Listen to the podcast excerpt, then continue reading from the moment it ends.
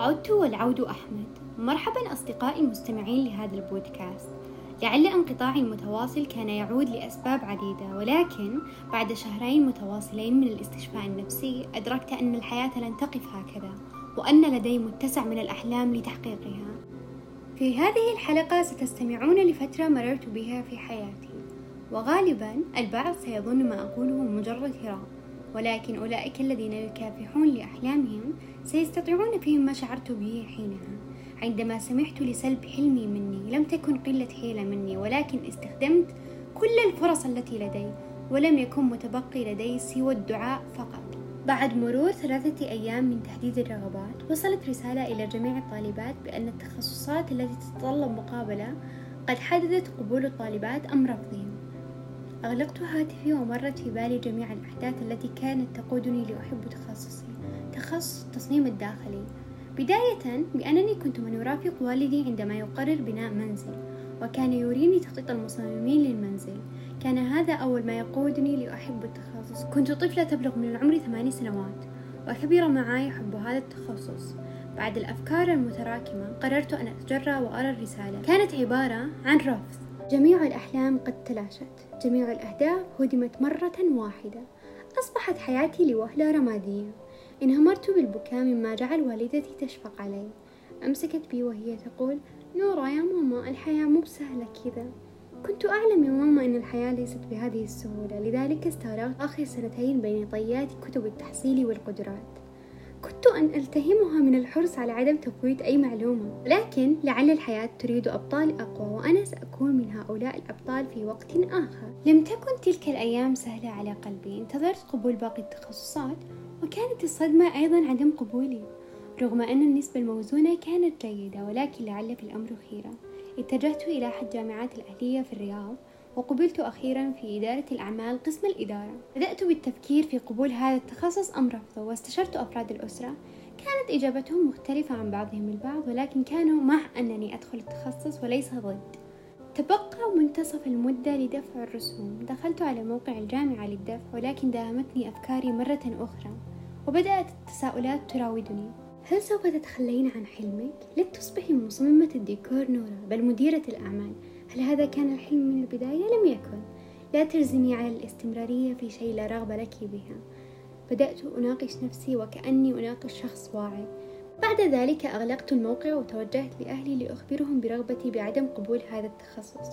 وبعد ذلك عدت لغرفتي لأبدأ في النظر لرسوماتي ولتخطيط المباني لأرسمه في الأوقات الهادئة. وكنت بنبرة منخفضة وكأنني أتحدث مع أحدهم. لن أتخلى عنك ولو كلفني عمري. لم تكن هذه العبارة جيدة. فنحن لا نعلم ما هو خير لنا. أتى موعد صلاة الفجر وتوضيت وأنا بكامل شجاعتي. شجاعتي بأنني تخطيت ما حدث. ولكن عند ركوعي انهمرت بالبكاء وأنني طفل سلبت منه دنيته. وكأنني طفل لم يحقق أبسط أمنياته.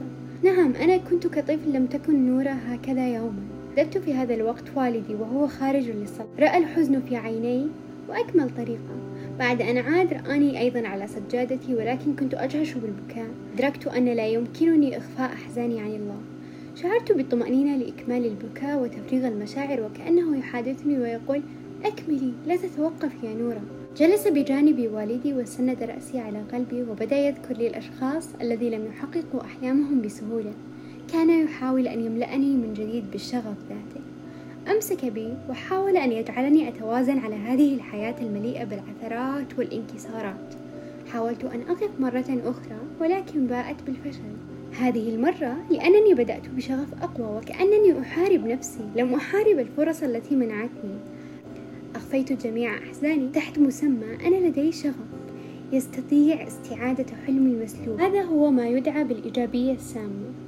كلمة الإيجابية السامة البعض لم يسمع بها مسبقا ولكن هو تصنع السعادة وأنت تخفي تحتها المليء من الانكسارات التي لم تشفى بعد. لم أتبع الخطوات الصحيحة لأعود لاتزاني بل تجاهلتهم جميعا وتوهمت التوازن وأنا على حافة السقوط مرة أخرى. ولكنني استطعت إنقاذ نفسي قبل أن أخسرها خطوات استعادة قواك تكمن عندما تتقبل مشاعر الحزن وتحاول تفريغها وإعطائها المهلة الممكنة للاستشفاء. بعد ذلك تنتقل لثاني خطوة. تتحدث فيها مع نفسك بوعي. خطوة مهمة أن تخبر نفسك بأنك فشلت هذه المرة ولكن ستنهض مرة أخرى في وقت لاحق. ليس بعد السقوط فورا. ركز على الجزء الجيد مهما كان ضيق. الفشل ما هو إلا درس عليك التعلم منه. ركز على الحاضر لا تركز على الماضي. تأكد من تواجدك في بيئة إيجابية. مارس ما تحب ممارسته بعض الكتب التي تمدك بالطاقة. تمارين اليوغا من أهم التمارين لاستعادة النفس أو مارس الرياضة أو اتبع نظام غذائي صحي. أنت إنسان أنت تشعر أنت تفشل. تفشل مرة وتنجح مرة أخرى. ولكن تأكد أنك مديت يد العون لنفسك المستقبلية لكي تراها قد وصلت لما سعيت له. انظر إلى أحلام أخرى تستطيع تحقيقها بينما أنت تواصل تحقيق حلمك الأعظم. وتذكر إن حمد الله يزيد من النعم. لا تتجاهل ما أنعم الله عليك به لمجرد أن أحد أحلامك قد سلب. تذكر أنك تستطيع البداية من حيث تشاء. تستطيع بناء حياة جديدة مليئة بالأحلام والشغف المتجدد. أنت من تحدد الاستمرارية أم الوقوف. ولكن نصيحة مني إن تعبت استرح ولكن لا تتوقف. فالطريق مليء بالعثرات. ولكن يتفوق على العثرات لذة الوصول لحلمك. لا تسمحوا لحلمكم بالسلب منكم فأنتم عظيمين تستطيعون الكفاح من أجله ألف مرة وليست مرة واحدة فقط. الواقعية مع أحلامكم أحد أسباب تحقيقها. عندما بدأ ستارشلم شركة سبراوت لصناعة الأقلام قبل عدة سنوات تعلم دروسا من إخفاقاته السابقة في مجال الأعمال التجارية فقد وثق الاتفاقيات ووضع خطة للطوارئ فيما لو سارت الأمور على نحو سيء. والآن تبيع شركته في كل شهر 450 ألف قلم في 60 دولة وهي نتائج فاجأت حتى ستارشلوم نفسه الذي يقول يثار كلام كثير عن كونك إيجابي عندما تكون صاحب شركة لكن عكس الإيجابية ليس السلبية ولكن امتلاك الذكاء اللازم لتكون واقعيا تجاه ما يمكن أن تحققه. حسب صحيفة بي بي سي نيوز. أن هذه الحلقة كانت مناقشة ما مررت به من مشاعر وانكسارات وأتمنى أن لا أؤثر عليكم سلبيا. فهذه القناة صنعت لتغير من تفكيركم تجاه أنفسكم عند المشاعر اليومية. بإذن الله في العام المقبل أسجل حلقة وأخبركم بها أن تم قبولي في تخصص أحلامي. يوم سعيد لكم.